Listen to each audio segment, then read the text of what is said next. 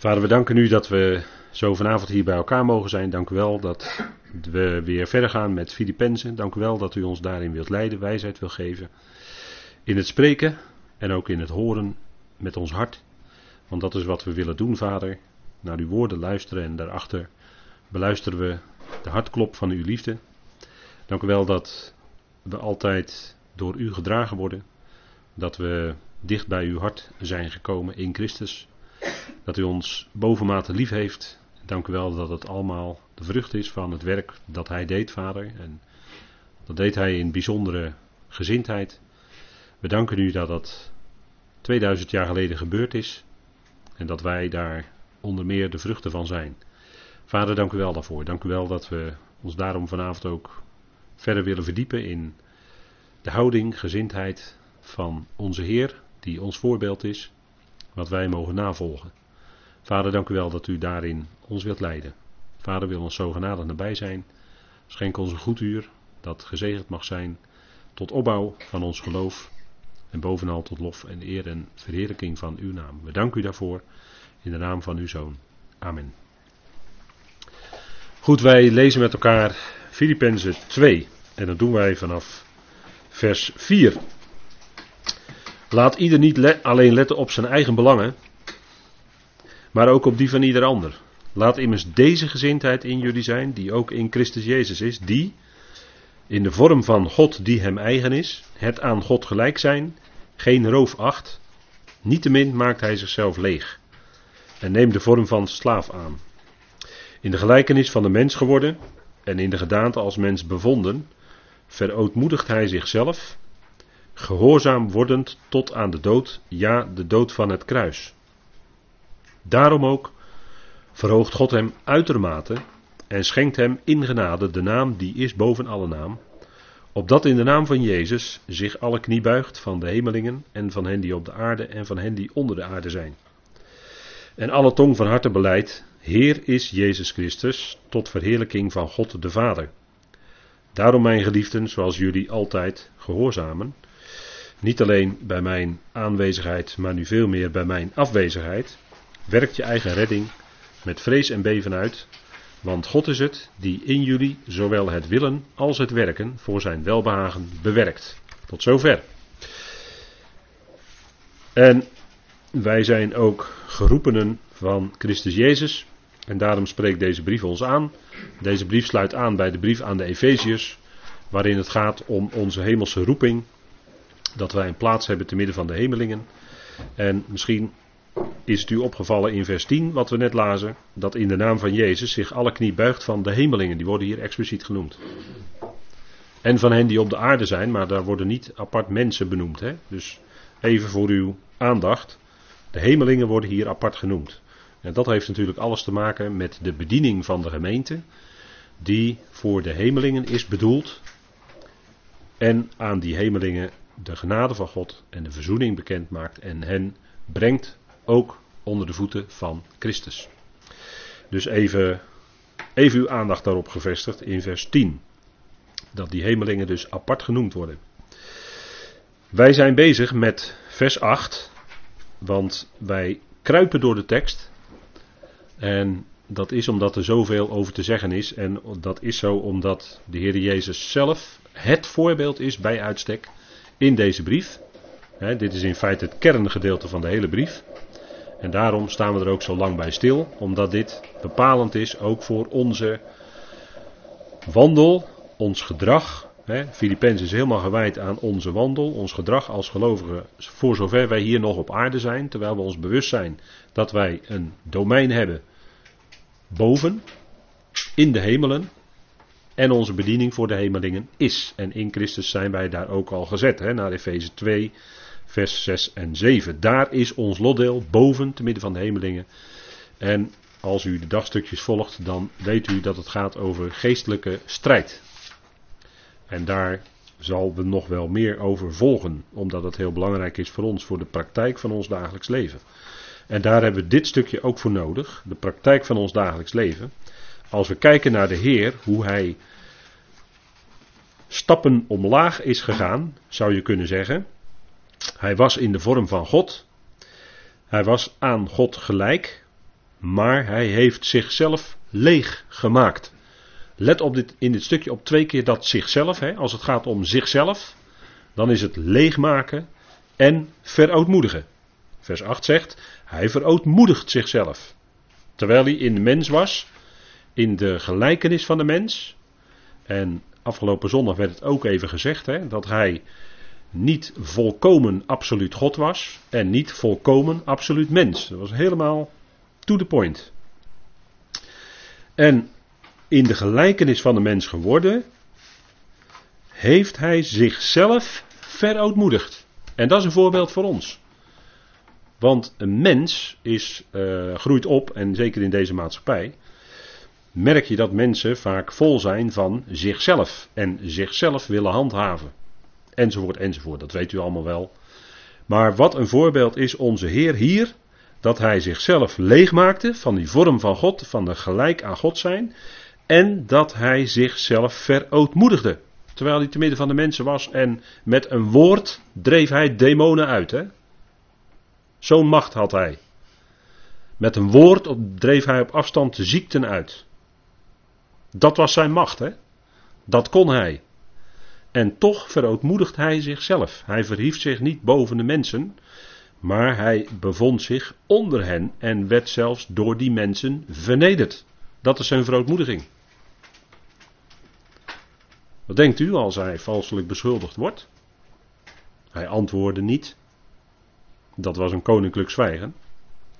Maar wat denkt u ervan als die ten onrechte, volkomen ten onrechte door Pilatus gegezeld wordt? Of door toedoen van Pilatus soldaten die met hem bespotten en hoonden enzovoort. En met één woord had hij die hele soldaten allemaal weg kunnen vagen. Gebeurde ook in Gethsemane. Hè? Hij sprak één woord en ze deinsden allemaal achteruit en ze viel achterover. Had hij met die soldaten ook kunnen doen. Die hem vernederden, die hem bespotten, die hem sloegen, die hem spuugden enzovoort. Deed hij niet. Dat is zijn verootmoediging. Dan ziet u dat dat heel ver gaat. Hè? Dat is dus van dat zichzelf. Dat handhaafde hij niet. Hè? Hij handhaafde dat niet. Nee, hij verootmoedigde zichzelf. Dat is een, een, nog een enorme stap naar beneden. Hè? En dat is wat we overwegen met elkaar. De vorige keer hebben we daar ook bij stilgestaan, bij zijn verootmoediging. U weet wel, dat basisbegrip voor verootmoedigen is laag zijn in het Grieks. En hij verootmoedigt zichzelf, gehoorzaam wordend, tot aan de dood, ja, de dood van het kruis. Dat is dus een ontwikkeling geweest, gehoorzaam wordend. Daarvoor had hij die bijzondere, goddelijke, heilige geest gekregen, waardoor hij verwekt was bij Maria en daarin kon hij gehoorzaam worden. Want dat was voor hem een nieuwe situatie. Dat hij in de gelijkenis van de mens was. Dat was voor hem een nieuwe situatie. Toen hij op aarde was. Dat was heel bijzonder. En in die hoedanigheid is hij gehoorzaam geworden. Dat was een proces. Hij was aan de mensen gelijk. En hij is gehoorzaam wordend, staat hier, tot aan de dood, hè, vers 8. Ja, de dood van het kruis. Dus dat ging heel erg ver. Hij sprak ook over dat lijden dat hij zou ondergaan. Hè? U weet dat wel, als u de Evangelie leest, dan uh, weet u dat hij meerdere keren zijn lijden heeft aangekondigd. En ik heb op deze dia de teksten uit Lucas erbij gezet, maar u kunt dat natuurlijk ook in andere evangeliën, Matthäus en Marcus, terugvinden. Maar dan ziet u dat zijn blikveld, dat zijn blik gericht was op dat einde, hè, op dat lijden dat hij zou ondergaan. Hij wist dat natuurlijk van tevoren, dat hij dat zou ondergaan. Dat wist hij uit het woord, dat wist hij uit de nacht. Die sprak over hem, het lijden van de psalmen, hè, van de psalmist. De bekende zijn natuurlijk Psalm 22, Psalm 69. En gaandeweg heeft hij natuurlijk ontdekt dat die psalmen over hemzelf spraken. En we zullen vanavond ook nog een andere psalm zien die ook heel, misschien voor u wel heel verrassend, ook spreekt over hem. Hè? In Lucas lezen wij over de aankondiging van het lijden. En laten we maar één tekst daarvan met elkaar even opzoeken. Lucas 9, Lucas 9, vers 22. En op het moment dat hij dat uitsprak bij zijn discipelen, begrepen zij het niet. En ook dat was een onderdeel van het lijden dat hij onderging. Dat zij hem niet begrepen. Zijn eigen, uh, hoe moet ik dat zeggen, stiefbroers hè, of halfbroers, die begrepen hem ook niet. Staat ook ergens in Johannes. Hè. Die begrepen, dus zijn eigen familie begreep hem ook niet. Nou, misschien is dat voor u wel herkenbaar. Dat u dingen uit dat woord gelooft. En daar kunt u eigenlijk niet binnen uw eigen familie mee aankomen. Omdat het dan helemaal misgaat. Omdat je dan stuit op weerstand. Dat men het niet kan verwerken of niet kan geloven. En dat is een vorm van het lijden wat wij hier meemaken. Hè? Dat onbegrip van andere mensen. Uh, misschien wel het alleen komen te staan binnen je familie alleen komen te staan ten opzichte van andere gelovigen. Dat, is allemaal, dat zijn allemaal onderdeeltjes van dat lijden, hè, wat we, ook wij ondergaan. Hè. En we hebben al gezien in Filippenzen 1, vers 29, dat het ook genade is. Hè. Heel wonderlijk was dat, dat hebben we met elkaar besproken. Dat is heel wonderlijk dat het ook genade is. Dat je ook niet alleen in hem gelooft, dat is ook een genadegeschenk, maar ook voor hem leidt. Voor Christus Jezus leidt met een lange ei. En dat is ook genade, zegt Paulus. En daar moet je over nadenken als gelovige. Want dat is eigenlijk heel wonderlijk, hè? dat dat gezien wordt in de schrift als genade. Dat het je, ja, en, en gaandeweg ga je dat ook misschien wel zo zeggen, dat het je vergund is om voor hem te lijden. Dat het genade is. En dat is toch wel bijzonder, denk ik. De zoon des mensen, Lucas 9, vers 22, hij zei: De zoon des mensen moet veel lijden en verworpen worden door de oudsten de overpriesters en de schriftgeleerden van het volk. En hij moet notabene zijn eigen volk. Hè, en hij moet gedood en op de derde dag opgewekt worden. En dat begrepen zijn discipelen op dat moment niet. Zij begrepen het niet. En later, achteraf, herinnerden zij zich wel deze woorden. En toen begrepen ze dat hij inderdaad gesproken had over de dingen die dan hun beslag hadden gevonden. En hier sprak hij natuurlijk profetisch op het lijden dat zou komen, maar hij wist ook van de heerlijkheid die daarna zou komen. En dat gaf hem kracht om door te kunnen gaan. Hè? Daar hadden de profeten ook over gesproken. De heerlijkheid van de Messias. Die zou komen nadat hij is opgewekt en verhoogd. Daar spreken de profeten over. Maar hij moet gedood. Daar moest hij doorheen. Door dit aardse, die hele moeilijke weg, die moest hij gaan. En dat was op het moment helemaal niet zo makkelijk. En op de derde dag opgewekt worden. En dan is het alleen maar heerlijkheid. En dat geldt voor ons ook. Wij gaan hier een moeilijke weg van lijden, van moeite, van verdrukkingen, van tegenslag, van moeite. bedenk alleen maar wat in je eigen familie of in je eigen gezin gebeurt. Dat kan al meer dan genoeg zijn. Lijden wat je doet, wat je ondergaat. Moeilijke dagen die zich van uur tot uur voortslepen. Uh, ja, dat is nogal wat. Het is geen makkelijke weg. Hè? God heeft ons geen kalme reis. Dat is zo'n tegeltjeswijsheid. Hè? God heeft ons geen kalme reis beloofd, maar wel een behouden aankomst. Ja, dat is ook zo. Maar het is geen kalme reis. Het gaat heel moeizaam vaak. En die, die moeizaam, dat moeizame, hè, die tegenslag of die tegenwerking misschien wel, in je familie, dat is ook een onderdeel van geestelijke strijd. Hè? Het is niet alleen lijden, maar het is ook geestelijke strijd. Dat is de andere kant ervan. Het is tegenwerking. En tegenwerking komt altijd van de geestelijke kant. En dat werkt via mensen. Werkt via bloed en vlees. En is voor ons als gelovigen heel verleidelijk. En dat is zo vaak gebeurd om dan te gaan strijden tegen bloed en vlees, tegen mensen. Maar dat moet je niet doen. Paulus zegt: Onze worsteling is niet met bloed en vlees. Maar wij zouden staan, weerstaan, stand houden tegen wie? Tegen de geestelijke boosheid. Hè, de machten van de geestelijke boosheid te midden van de hemelingen. Daar is ons in feite ons conflict mee. En wij vallen niet aan, wij verdedigen. We hebben verdedigingsmiddelen.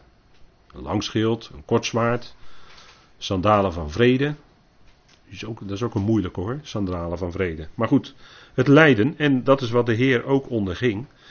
Die weg die hij ging, daarin was het van hem uit naar de ander toe, hield hij vrede. Maar hij werd aangevallen op zijn woorden. Dat was geestelijk. Die strijd was geestelijk. Hè? Dat wat hij hier zegt. Hij werd verworpen door de oudste overpriesters en schriftgeleerden. Ja, dan zeggen wij ja, die mensen die verwierpen hem. Oh, wacht even. Daar is ook een geestelijke kant zit daarachter. Geestelijke machten beïnvloeden die overpriesters en die schriftgeleerden. Die de menigte opstoken, zodat ze, opstookten, zodat ze riepen: kruisigt hem. Dat was, daar zat de geestelijke macht achter. Want de tegenstander die wilde op die manier hem uitschakelen. En dat is natuurlijk ook een punt, hè? En dat werd ook gedaan zelfs. Hij moet gedood en op de derde dag opgewekt worden. Kijk, dat laatste was natuurlijk de triomf. En de nederlaag voor de tegenstander. En dat, aan dat kruis wat daar gebeurd is, daar spreekt Colossense ook over. Dat daar die overheden en die machten openlijk tentoon zijn gesteld. En zo heeft hij over hen overwonnen. En dat had alles te maken met zijn opwekking uit de doden. Want toen ontdekte die tegenstander dat de zaak verloren was. Hij was opgewekt, hij was er weer. En hij ging zijn heerlijkheidspositie ging hij bezetten. Hij werd door vader verhoogd, maar daar komen we nu nog op in de verdere versen. Hij heeft zichzelf verootmoedigd. We spreken nu over zijn leven op aarde. En hij sprak tegelijkertijd, als je diezelfde teksten in Lucas naloopt, dan sprak hij ook van de heerlijkheid die daarna zou volgen. Want lezen we even verder in Lucas 9, vers 26. Dan zien we dat hij spreekt daarover zijn heerlijkheid. Want wie zich voor mij en mijn woorden geschaamd zal hebben, en voor hem zal de zoon des mensen zich schamen, wanneer hij zal komen in zijn heerlijkheid. En in die van de Vader en in die van de heilige boodschappers. Ziet u het? In één adem spreekt hij ook over de heerlijkheid die zou komen. Dat wist hij ook dat hij als zoon van Adam zou komen en rechtens die hele aarde zou opeisen waarvan hij op de troon moet zitten, omdat hij de zoon van Adam is. Hij heeft alle rechten. hij is de zoon van Adam, hij is de zoon van David, daar heeft hij recht op de troon van Israël. En hij is de zoon van Abraham. Hebben we ook zondag gehoord. Hè? En daardoor heeft hij alle rechten. Vanuit dat zoonschap heeft hij alle rechten op de troon. En is hij, en nog meer, hij is zelfs lotgenieter van het al. Het al, dat gaat nog verder. Dat is gewoon de totaliteit van de hele schepping. Dat is hem als lotdeel toebedeeld. Nou, dat is wat, hè? dat is wat. Dat is een heerlijkheid. En dat gaat nog komen. Hè? Hij zal komen in zijn heerlijkheid, zegt hij in Lucas 9, vers 26. En in die van de Vader, want als hij verheerlijkt wordt, wordt de Vader ook verheerlijkt. En in die van de heilige boodschappers. Nou, dat zal hem allemaal vergezellen als hij dan terugkeert. Hè. Dat, uh, dat staat ook allemaal in Matthäus 24, hè. dat zegt hij daar ook.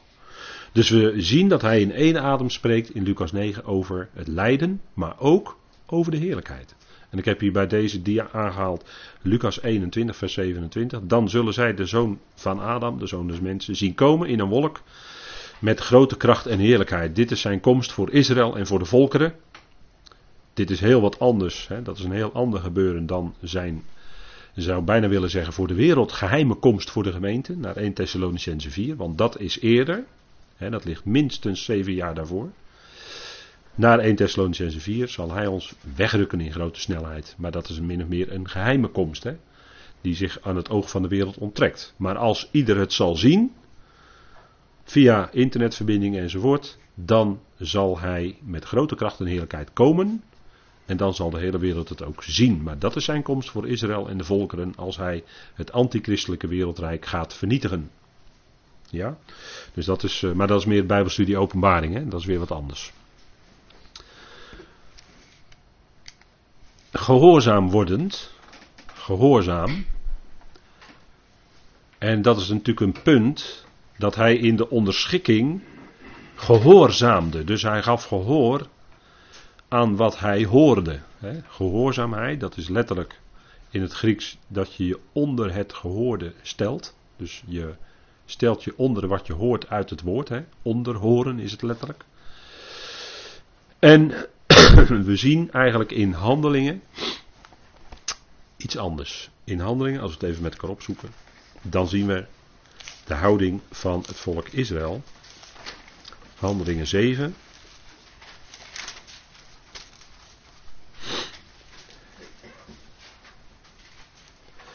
En dat is de houding van de.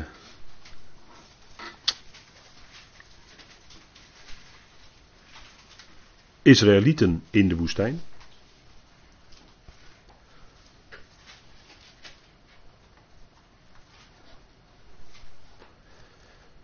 En dan spreekt in feite Stefanus hier in die lange reden, handelingen 7, over de Christus, hè, over Jezus Christus. Dit is de Mozes die tegen de Israëlieten, vers 37, gezegd heeft. De Heer uw God zal voor u een profeet laten opstaan uit uw broeders, zoals ik. Naar hem moeten jullie luisteren. Hij is het, dat is dus Jezus Christus, die in de woestijn tijdens de samenkomst van het volk bij de boodschapper was die tot hem sprak op de berg Sinai en bij onze vaderen en die de levende woorden ontving om die aan ons door te geven. Mozes sprak met hem. Onze vaderen wilden hem niet gehoorzamen, staat er dan. Er was sprake van, ze hoorden die woorden wel, maar er was sprake van ongeloof bij het volk. En ze wilden hem niet gehoorzamen. Ze wilden de woorden die Mozes ontving en doorgaf, wilden zij niet gehoorzamen. En zij verwierpen het en keerden in hun hart terug naar Egypte. En ze zeiden tegen Aaron: Maak voor ons goden die voor ons zullen uitgaan. Want die Mozes, die ons uit het land Egypte geleid heeft, wij weten niet wat er met hem gebeurd is. Het duurde allemaal te lang op die berg. En zo heb je ook wel eens gelovigen voor wie het allemaal te lang duurt. En dan keren zij zich in hun hart terug naar Egypte. Egypte, dat is de, de bekende vleespotten, weet u wel. Vlees. Dus dan gaan zij, uh, vallen zij terug in het vlees, om het zo maar te zeggen. En zij gaan eigen goden maken, of misschien uh, ja, maken ze zichzelf een beetje belangrijker dan waar het werkelijk om gaat. En dat gebeurt. Dat gebeurt bij gelovigen. Dan keren ze in hun hart terug naar Egypte. Dan komt er een hang naar de wereld, om het zo maar te zeggen. En dan worden de dingen uit de wereld groter en belangrijker dan de dingen van God. Hè? Dat kan gebeuren. Maar wij kunnen uitzien naar de vervulling van de belofte. De Heer heeft het beloofd dat Hij zal komen. En we kunnen vast vertrouwen op die beloften. Hij gaat ze waarmaken. Zoals hij dat in het verleden heeft gedaan, gaat hij dat ook in de nabije toekomst doen. dat zijn geen loze woorden in 1 Thessalonicense 4. Dat zijn woorden die werkelijk kracht hebben en die ons bemoedigen.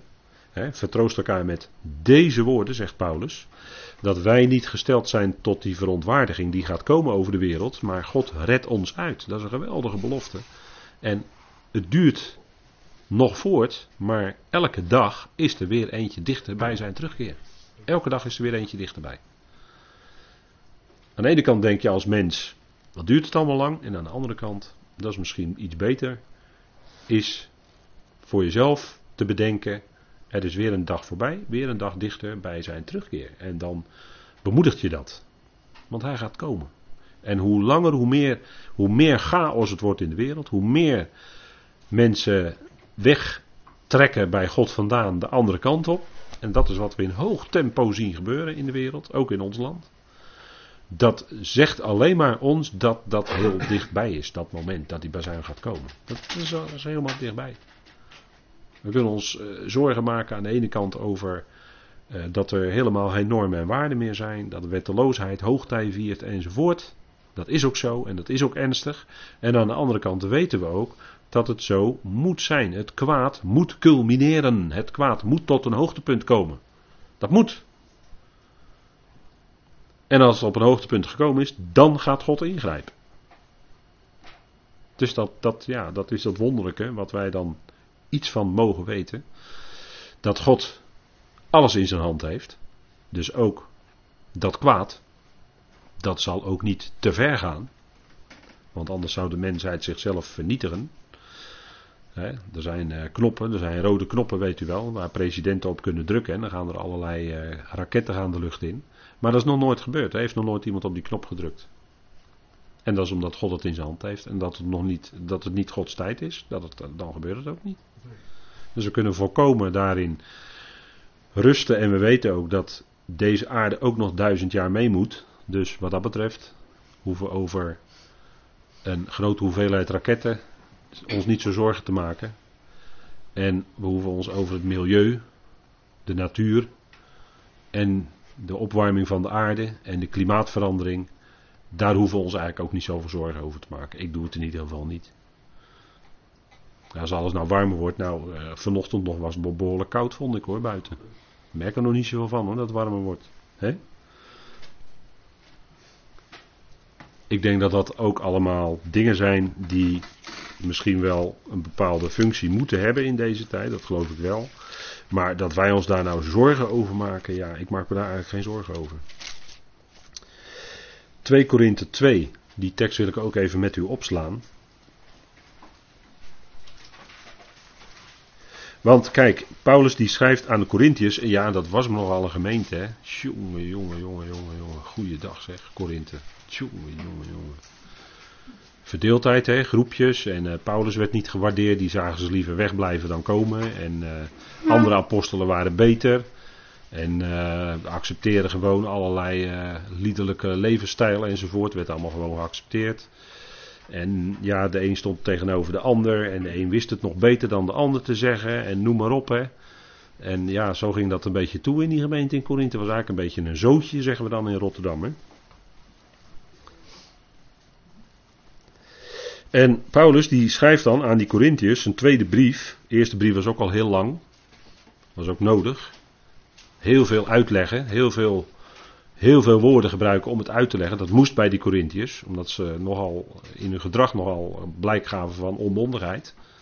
Dat ze eigenlijk meer een verdrag vertoonden van kinderen dan van volwassenen in het geloof. dat, uh, daarom moest Paulus ook heel veel woorden voor hen gebruiken om het allemaal uit te leggen.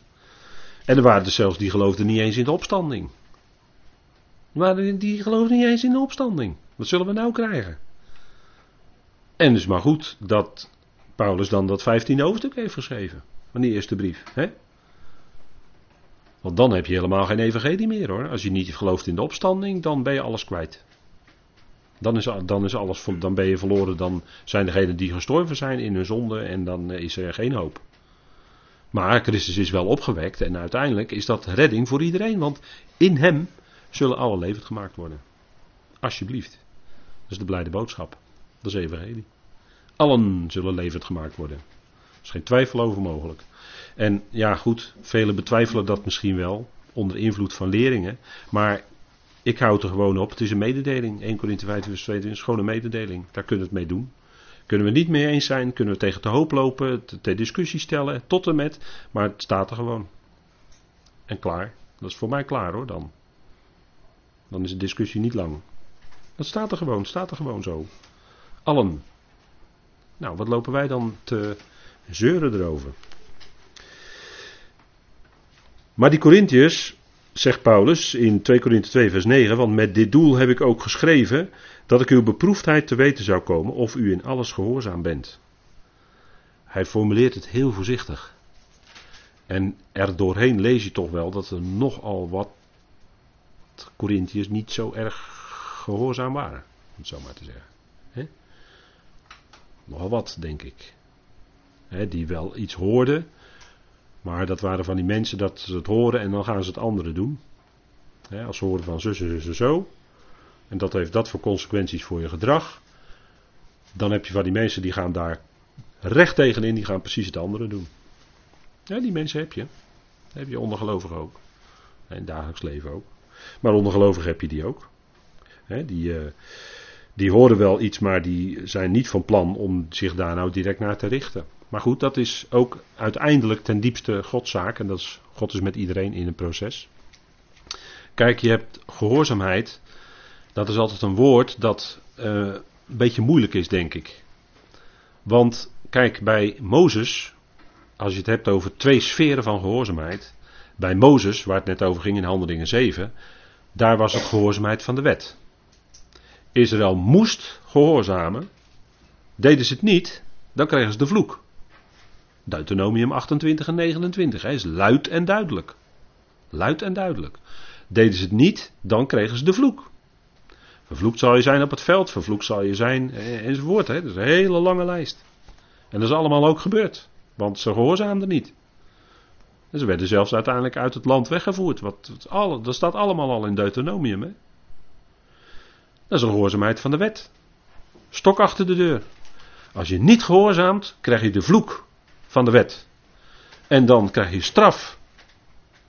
Dat is wat de wet eist. Hè. Dat is een eisende gehoorzaamheid. En bij Paulus is het heel anders. Bij Paulus is het niet Hij, Paulus is nooit bezig, ook al spreekt Paulus heel duidelijk over de wandel. Laten we daar even wel heel duidelijk met elkaar dat vaststellen. Paulus spreekt wel degelijk in al zijn brieven heel duidelijk over de wandel, over het gedrag van gelovigen. Maar hij legt niets op. Dat is het verschil. Dat hebben we ook gezien met de studie Galatenbrief. Hè? Hij legt het niet op. Want de sfeer is heel anders. De sfeer is niet wet. Met regels en straffen. Maar de sfeer is genade.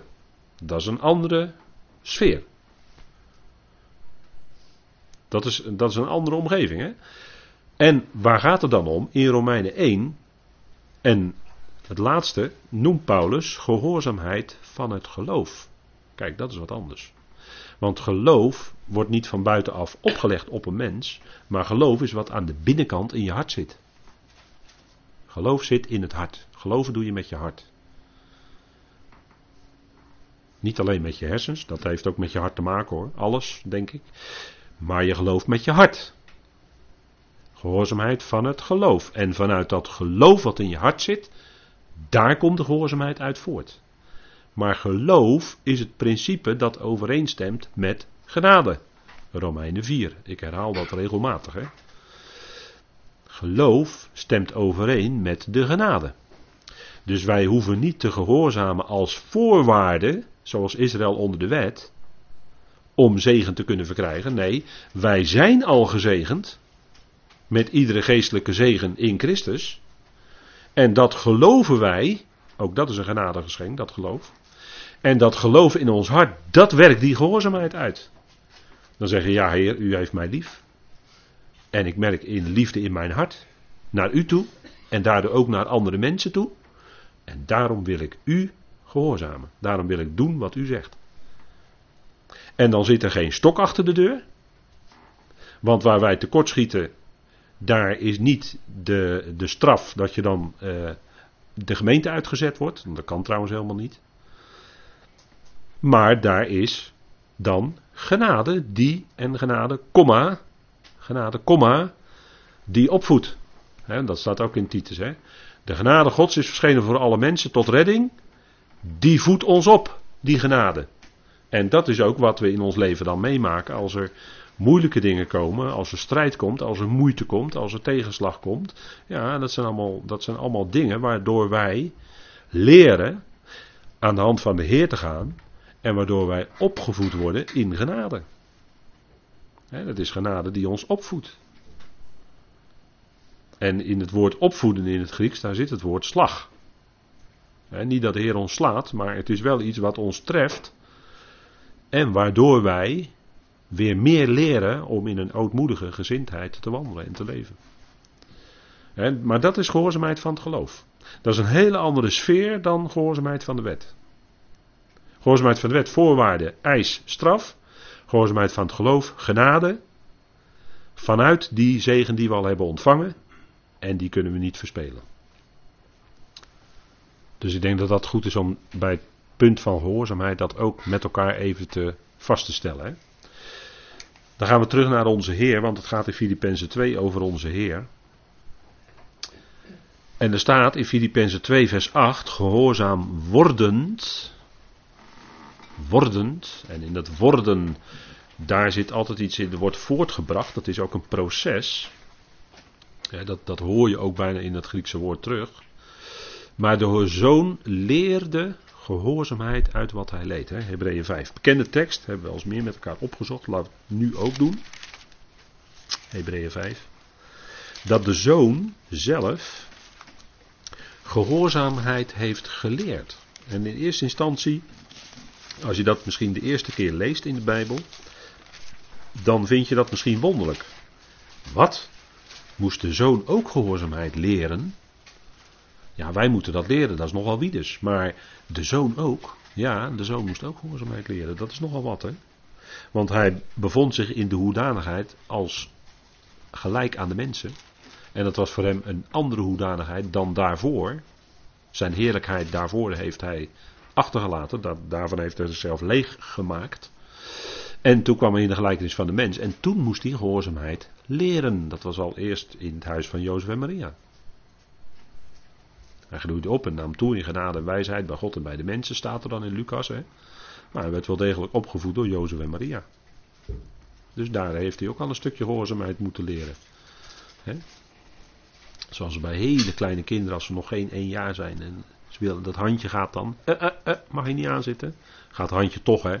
En dan nog een keer en nog een keer moet je misschien wel tien keer zeggen. Maar uiteindelijk leert het kind het wel. Van dat het kind daar niet aan mag zitten. En nou goed, dan gaat, gaat het stapje voor stapje verder. En dan zal een heel klein stukje gehoorzaamheid leren. Nou, de zoon leerde gehoorzaamheid uit wat hij leed. We lezen even vanaf vers 4 van Hebreeën 5. En niemand neemt die eer voor zichzelf, maar men wordt er door God toe geroepen, zoals Aaron, hè, dat priesterschap. Zo heeft ook Christus zichzelf niet de eer gegeven om hoge priester te worden. Ziet u het? Ook daarin was hij afhankelijk van de Vader. Hij werd door Vader daar dus in aangesteld, in het hoge priesterschap. Maar hij die tot hem heeft gesproken, u bent mijn zoon, heden heb ik u verwekt, en het gaat over zijn opstanding uit de dood. Zoals hij ook op een andere plaats zegt: U bent priester voor de Aion naar de ordening van Melchizedek. Dat zal hij ook zijn in de komende Aion. Dan is hij hoge priester naar de ordening van Melchizedek. Priester en koning hè, over de aarde. Daarin is hij gesteld. Naar die ordening. En in de dagen van zijn vlees. En daar hebben we het nu over. Heeft hij met luid geroep en onder tranen. Dat lijden was diep, hè? Met luid geroep en onder tranen. Ziet u het? En sommige mensen verzuchten wel eens: dit leven is hier een tranendal. En dat kan het wel op sommige dagen ook zijn. Dat er weinig kleuring op zo'n dag is. Weinig licht. Omdat al die dingen over je heen komen. Zo was het ook bij de zoon. Hè? Heeft hij met luid geroep en onder tranen. Waarom denkt u dat hij soms op de berg alleen was om te bidden? Ging hij s'nachts op de berg op bidden, alleen. Geen discipelen bij zich, niemand. Met vader spreken, en dat was dit hè. Luid geroep en tranen, ook voor hem hè, gold dat. Ja, ja, dat is wat hoor. Gebeden en smeekbeden geofferd aan hem die hem uit de dood kon verlossen. En vooral in Gethsemane hè. Dat was, uh, hoe moet je dat zeggen, het hoogtepunt, of het diep, diepste punt bijna. Vlak voor het aller, allerdiepste het lijden aan het kruis. Maar hij heeft smeekbeden geofferd aan hem die hem uit de dood kon verlossen. En ik heb wel eens meer gezegd, hij kon zichzelf niet uit de dood verlossen. Want hij was dood in het graf. En hij kon daar zelf niet uit opstaan. Dat kon hij niet. Vader moest hem leven geven. En vader wekte hem op. Ik heb wel eens een opmerking gemaakt over dat paaslied hij kwam uit graf door eigen kracht. Zing ik niet hoor, want het is niet waar. Nee, hij stond op uit het graf door vaders kracht. Dat, dat zingen we wel van harte. Ja, dat. Want dat is het. Vader wekte hem op. Daar getuigen de brieven van, daar getuigen de evangelieën van. Vader wekte hem op. Hè? En dat staat hier ook in Hebreeën. Dat hij smeekbeden en gebeden geofferd heeft aan hem die hem uit de dood kon verlossen. Dat was aan zijn vader. Er was maar één die dat kon. En dat was dus met sterk geroep en tranen. Het was geen makkelijke weg hoor. Het was een hele diepe weg. Het is heel erg diep gegaan voor de zoon hoor, dat lijden. Moeten we niet bagatelliseren. Mogen weten van zijn heerlijkheidspositie nu. Maar denk erom dat er een diep lijden aan is vooraf gegaan. Dieper kon niet. Het was de weg die vader met hem ging. En hij is, en dan staat hier helaas in mijn vertaling, en hij is uit de angst verhoord, maar hij had geen angst er staat een woord dat te maken heeft met grote druk of grote. Ja, eh, iets, er zit ook iets in van toewijding. en een andere tekst die spreekt ook over dat hij enorm onder druk stond toen hij in Gethsemane was. Hij werd zwaar verdrukt. En er wordt er ten onrecht in sommige vertalingen het woord angst gebruikt, maar het staat er niet. hij stond onder zeer zware druk. En als mens, ziel, zag hij op tegen dat lijden. Dat was menselijk op dat moment. Hè, in zijn ziel. Maar uiteindelijk was bij hem toch de geest, had de overhand. En schikte hij zich in wat vader wilde. Maar hij had geen angst. Hè, vers 7. Hoewel hij de zoon was, staat er in vers 8, heeft hij gehoorzaamheid geleerd uit wat hij heeft geleden. Dus dat lijden wat ons overkomt, en die lijn kun je wel doortrekken, is ook opdat wij zouden leren hè, daarin ons te onderschikken. Ons hè, te leren vanuit die onderschikking te gehoorzamen. Ons onder het gehoorde te stellen. En wij horen wat de wil van God is. In Gods woord. Ook voor ons persoonlijk. De zoon, die wilde niets liever dan de wil van God doen. En als wij zonen zijn, dan denk ik dat we in diezelfde lijn staan. Dan willen wij graag de wil van God doen. En God brengt van alles op ons pad als gelovigen. En dat is dan kennelijk wat in ons leven speelt. Dat is kennelijk wat in ons leven ook bedoeld wordt en zijn wil is. Zelfs. Zijn wil voor ons leven, dat is die weg die hij met je gaat. Als je daarvoor openstelt, vader, ik wil die weg gaan die u bedoelt, die u wil. Dan zal hij eh, brengen op die weg die hij wil. En in die weg, dat kan een weg, eh, ja, dat is, dat is ongetwijfeld een weg waarin ons lijden en verdrukkingen overkomen. Dat kan niet anders, dat overkomt ieder mens. Maar gelovigen speciaal. Nog meer, omdat geestelijke machten op die gelovigen in willen werken en onder druk zetten, omdat die gelovigen heel dicht bij de waarheid zitten. De waarheid omtrent God. En dat wil de tegenstander niet erkennen. Dat wil hij niet aan. omdat wij zo dicht bij die waarheid zitten, daarom krijgen we aanvallen van de tegenstander. De tegenwerkers blijven bij het evangelie van Paulus. Wat zich zo scherp onderscheidt van de andere apostelen. Hebben we met gelaten ook uitgebreid bij stilgestaan. Gelaten 2 vers 7 tot en met 10, daar hebben we zeven avonden over gedaan.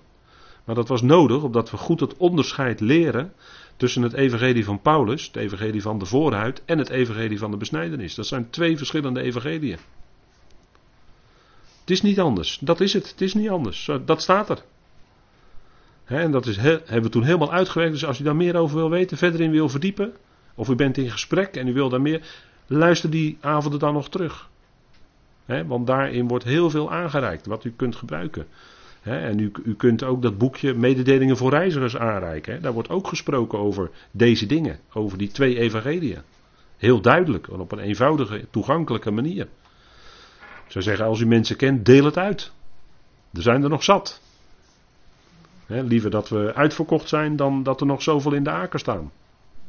en het loopt al aardig, het loopt al aardig, die, die boekjes, mededeling voor reizigers. Dat vindt zijn weg wel naar mensen inmiddels. Heel fijn. En hoe meer de weg gaan, hoe beter, wat mij betreft. Maar dat kan ook betekenen dat als je dat uitdeelt aan anderen, dat het een stukje lijden gaat bezorgen. Want dat kan zijn dat anderen u daarom gaan afwijzen. Of dat ze misschien wel helemaal niets meer met u te maken willen hebben. Kan, zou zomaar kunnen gebeuren. Dat is een stuk lijden. Dat is moeilijk. dat is helemaal niet makkelijk, zo'n weg. Maar zouden wij een andere weg gaan dan de zoon, met een hoofdletter, die gehoorzaamheid heeft geleerd uit wat hij heeft geleden. Heeft gehoorzaamheid geleerd uit wat hij heeft geleden. En een weg van lijden, ik denk dat we het allemaal wel ervaren hebben, dat het een weg is waarin je ook eh, veel dingen leert. Dat zijn, dat, dat zijn dagen ook met. Dat zijn moeilijke dagen, maar het zijn ook periodes met kostbare geestelijke lessen, om het zo maar te zeggen hoor. Waarin je de dingen leert en waarin je bepaald wordt. Hè, dan zeg je, ja, ik word helemaal teruggeworpen op mezelf. Ja, ja, dat is niet helemaal waar, denk ik. Ik denk dat je soms door God stil wordt gezet om eens goed na te denken over God en over het Evangelie en jouw plaats daarin en, enzovoort enzovoort en eh, af en toe is goed te realiseren waar ben ik nou eigenlijk mee bezig zelf als mens. dat, dat, dat soort dingen, dat ga je dan allemaal afvragen. Dat is ook een functie van het lijden. Dat, dat, dat kan ook een uh, bepaalde goeie, uh, dat, dat heeft meerdere goede werkingen, om het zo maar te zeggen. Nou, de zoon leerde gehoorzaamheid. Hè. In Gethsemane, en dat was eigenlijk een vrij stukje land, net als dat Akeldama, weet u wel. Maar Gethsemane was eigenlijk ook een vrij stukje land. Dat was geen lotdeel. Dat lag niet binnen familie, maar dat kon vrij verhandeld worden. Toch eens even een punt om over na te denken. Hè? En juist in dat vrije stukje land, daar kwam hij, nadat hij de maaltijd met zijn discipelen gehouden had, de laatste maaltijd. Daar kwam hij en daar erkende hij in gebed, en daar stond hij ook alleen, want de discipelen vielen in slaap. Die hadden niet zo'n idee van wat er zou gaan gebeuren. En laten we even met elkaar opzoeken, Matthäus 26. Matthäus 26.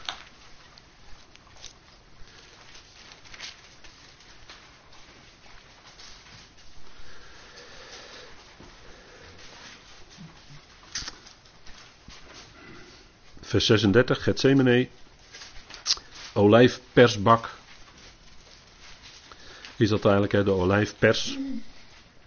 Prachtige, eigenlijk een prachtig, uh, een prachtige omgeving tussen al die olijfbomen. Hè, het, spreekt, het spreekt heel bijzonder. Moet u de UR, de aflevering UR, die gaat over licht in de schepping. Moet u die UR maar eens lezen. Dan wordt er ook iets gezegd over Gethsemane. Dat is denk ik heel bijzonder. Want het is zo tekenend, de omgeving waarin hij was. Die olijfbomen, die olijven, die spraken van wat hem zelf overkwam. wat er met olijven gebeurt om die olie te krijgen, dat overkwam hem ook daar en later aan het kruis. Dus dat was heel tekenend dat hij daar was. He, Gethsemane. dat is ontroerend als je daar loopt. als je in Israël bent, in Jeruzalem, en je bent in Gethsemane, dan, dan denk je aan die dingen. En dat is ontroerend, want dan weet je dat de Heer daar geweest is. en dat, dat hij daar dit, dit heeft beleefd. Voor ons, hè? Voor, zijn vader allereerst, maar ook voor ons. Toen ging Jezus met hen naar een plaats die Gethsemane heette. Er wordt heel nadrukkelijk de naam genoemd hè, in de tekst. En dan moet je erover nadenken. En zei tegen de discipelen: Ga hier zitten terwijl ik daar ga bidden. En hij nam Petrus en de twee zonen van Zebedeus mee, hè, de zonen des donders, hè, Boanerges. En hij begon bedroefd. En helaas staat er in mijn vertaling dan weer zeer angstig te worden, maar er staat zeer bedrukt. Dat hij zeer bedrukt hier was. Hij kwam hier onder grote druk te staan. Het moment kwam zo dichtbij. En toen zei hij: Mijn ziel is zeer bedroefd. Tot de dood toe. Blijf hier en waak met mij. En nadat hij iets verder gegaan was, wierp hij zich met het gezicht op de aarde en bad mijn vader. En dit was het moeilijkste moment. Mijn vader, als het mogelijk is, laat deze drinkbeker aan mij voorbij gaan. En daar zat een moment waarin hij aan vader dus vroeg, en hij stond zo enorm onder druk. Vader, als het niet hoeft, laat het weten. Maar hij schikte zich. Hij verootmoedigde zich, ook hier. Hij gehoorzaamde de weg die vader met hem ging. Maar niet zoals ik wil, maar zoals u. En dat was zijn overgave. En daar gaat het allemaal om. Dat was zijn overgave aan de wil van God. Hier was de totale gehoorzaamheid, de onderschikking van de zoon, de verootmoediging. Dat zijn allemaal dingen die dan bij elkaar komen. Hè? Verootmoediging, onderschikking, gehoorzaamheid aan de wil van God. Hè? Kortom, overgave. En hij ging die weg die vader wilde. En dat ging door en toen kwamen de soldaten enzovoort. En de rest is bekend, maar is wel heel erg goed om dat steeds weer te overwegen. Daarmee bezig te zijn, daarbij stil te staan. Vader, niet mijn wil.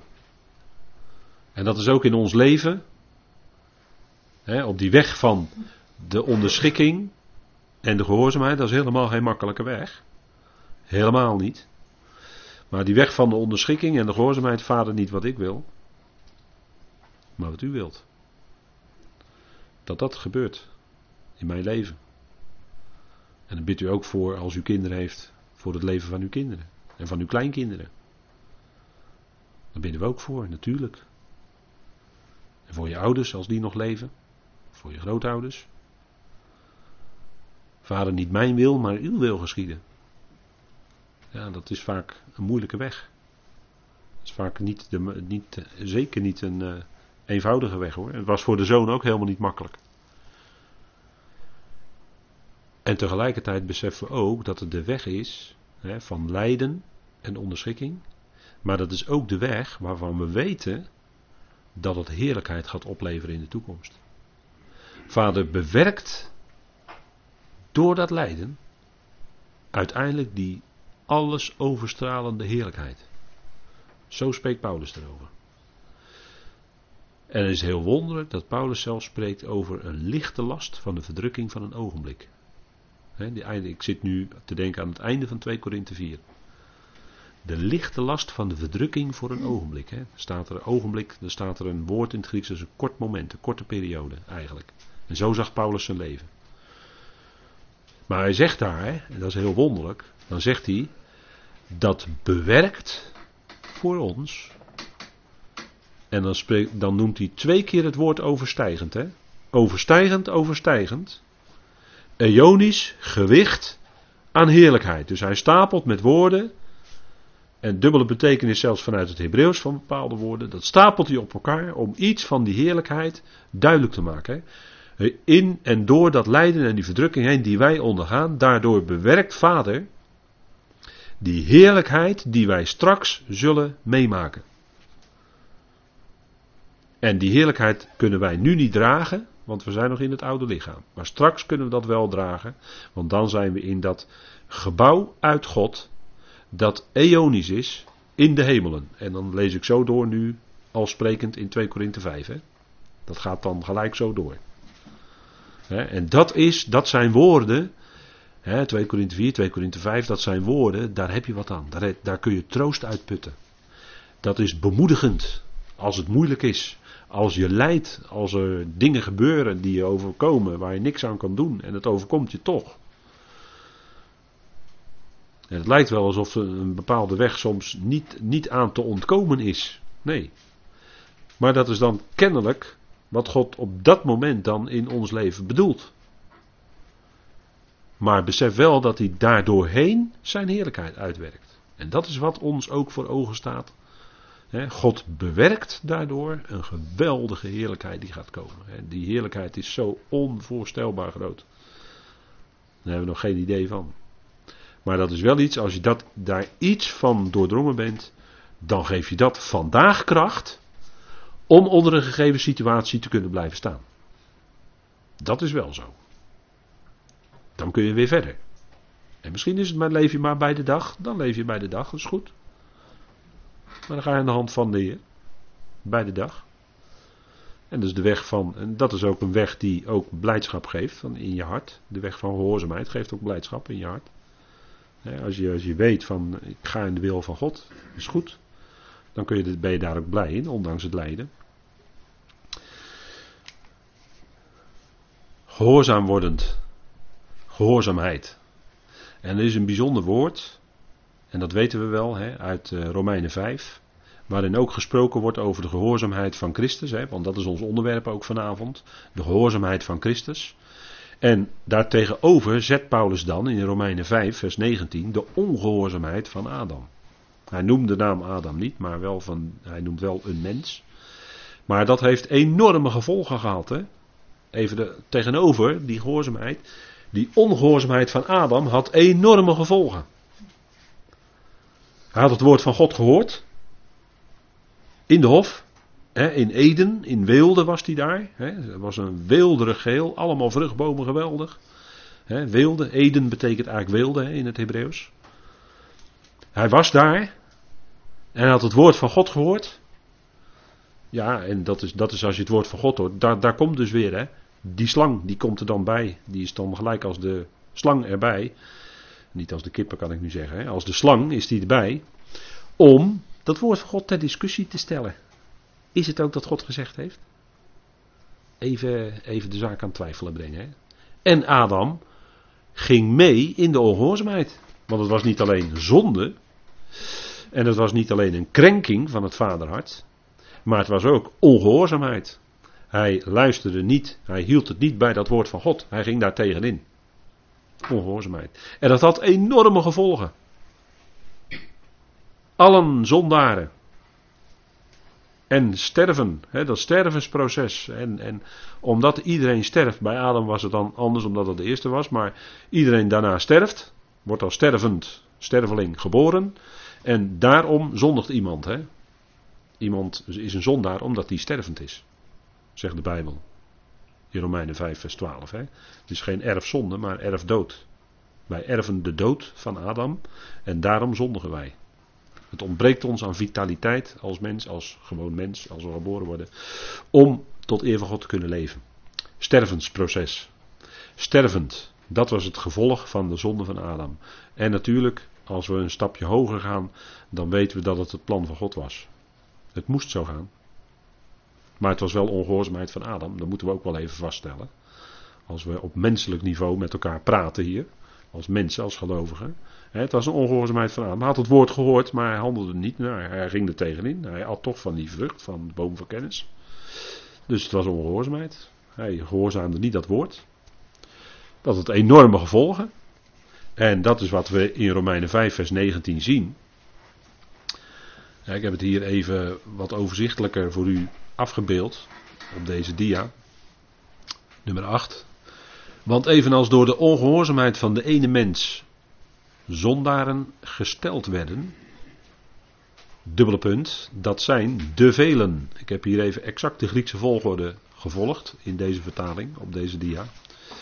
Zo ook door de gehoorzaamheid van de ene, want daar hebben we het over vanavond met elkaar. De gehoorzaamheid van Christus. En dat had ook enorme gevolgen. Voor diezelfde velen als van Adam had het enorme gevolgen ook. De gehoorzaamheid van de ene. Rechtvaardigen zullen gesteld worden, dubbele punt, de velen. Dat zijn diezelfde de velen als bij de eerste regel, hè, bij Adam. Het is een perfecte parallel. Perfect parallelisme. Hè. Een stijlfiguur die in de Hebreeuwse Bijbel heel vaak voorkomt. Hè. Parallelisme. Kijk het boek Spreuken maar eens uh, door. Adam, de velen, zijn gesteld als zondaren. Konden wij daaraan ontkomen? Nee. Christus, de velen, gesteld rechtvaardigen. Kunnen wij daaraan ontkomen? Nee. Dit is gewoon een volmaakte vergelijking. Dit is gewoon ook een mededeling hè, van Paulus. Dit is, is helemaal niet ter discussie of zo. Dit is geen discussiestuk. Dit is gewoon een mededeling. Zo is het. Dat is, zo is het gewoon. En daar zijn wij ongelooflijk blij mee. Want ja, wat is dat geweldig hè? Dat al diegenen vanaf Adam, inclusief Adam zelf, die zullen later allemaal rechtvaardig gesteld worden. Wat een evangelie hè? Nou, wat wil je nou nog meer? Dat is toch fantastisch? Dat is toch fantastisch? En kijk, dat stellen, daar is toch wel iets mee aan de hand. Hè? Dat woord stellen. Iemand heeft wel eens gezegd vanuit de Duitse concordante vertaling, daar staat het woord einzetten, inzetten. En als je dat woord gaat bekijken in het Grieks, dat is het woord kathestemi, dat betekent letterlijk neerdoen staan. Dat is even, kan u gelijk weer vergeten natuurlijk. Maar ik heb het toch maar even voor de duidelijkheid opgezet. En je gaat dat nalopen, dat woord, dan is het steeds dat er mensen worden aangesteld of gesteld in een bepaalde functie. En zeer regelmatig, misschien wel bijna altijd, in een officiële functie zelfs. En dan maakt het toch wel heel bijzonder dat Paulus juist hier, door God geïnspireerd, dit woord gebruikt. Dus de velen zijn gesteld als zondaren. Dus dat, gestel, dat stellen gebeurt altijd door een hogere uh, door een hogere, zeg maar, die stelt aan of die stelt. En dat is dus eigenlijk, als we even de zaak samenvatten, is dat eigenlijk God. Het was Gods bedoeling, het was Gods. God heeft ze zo gesteld als zondaren. We kunnen er niet eens aan ontkomen dat we doelmissen zijn. Het moest zo zijn. En wie heeft dat gedaan? God. Want toen je geboren werd, toen had je geen idee van wat je allemaal zou overkomen in dit leven. Maar je ontdekte wel gaandeweg dat je een doelmisser bent. Zeker weten. Dat je fouten maakt. Dat je mist. Dat, het, eh, dat je hier en daar wel wat tekort schiet. Of heel erg tekort schiet misschien zelfs wel. zo, zo zag ons leven er misschien wel uit. En dan de velen, diezelfde velen, allemaal dus, die worden ook gesteld als rechtvaardigen. En wij nu al. En dat is genade. Dat is niet omdat wij zulke brave, geweldige, goede mensen zijn. Ik denk vaak in tegendeel. Waarom heeft hij. Nou ja, ik kan niet helemaal zeggen mijn buurman, want daar woont Dion, hè. Dus had hij beter, nou ja, die andere buurman dan had hij beter kunnen kiezen dan ik. Hè? Want uh, ja, nou ja. Hè? Maar ja, genade hè. Genade. Dat we nu al als rechtvaardigen gesteld zijn. Nu al. En uiteindelijk iedereen. Want de, wat, wat allemaal onder Adam viel, dat is die hele mensheid, hè, al die Adamieten. Die vallen ook onder Christus, zegt Paulus. Hier in Romeinen 5, vers 19. Hè, door de gehoorzaamheid van die ene zullen rechtvaardig gesteld worden de velen. Het zijn er verschrikkelijk veel. En uiteindelijk is het gewoon allen, hè, want dat blijkt uit de context wel. Maar hier wordt de nadruk gelegd op dat die ene, de ongehoorzaamheid van die ene tegenover velen. Dat is hier de tegenstelling. De gehoorzaamheid van die ene ontzettend veel heeft enorme consequenties. En dat stond al in de profeten. Dat de Heer zijn ziel zou geven. Dat hij zich zou stellen voor God. Jezaja 53. En dat hij daar een enorme vrucht van zou zien. En dat is wat hier ook staat in Romeinen 5. Paulus heeft misschien wel aan Jezaja 53 gedacht toen hij dit schreef. Of had hij open liggen. Het zou zomaar kunnen. Die Jezaja-rol had hij sowieso open liggen bij Romeinen. Hè? Maar als je die teksten allemaal gaat nalopen waarin dat woord voorkomt, dan is dat iets, iets officieels toch wel. Gesteld als zondaar, het moet zo zijn. Gesteld tot rechtvaardigen. Fantastisch hè. Nou, laten we daarover misschien even doorpraten bij de koffie.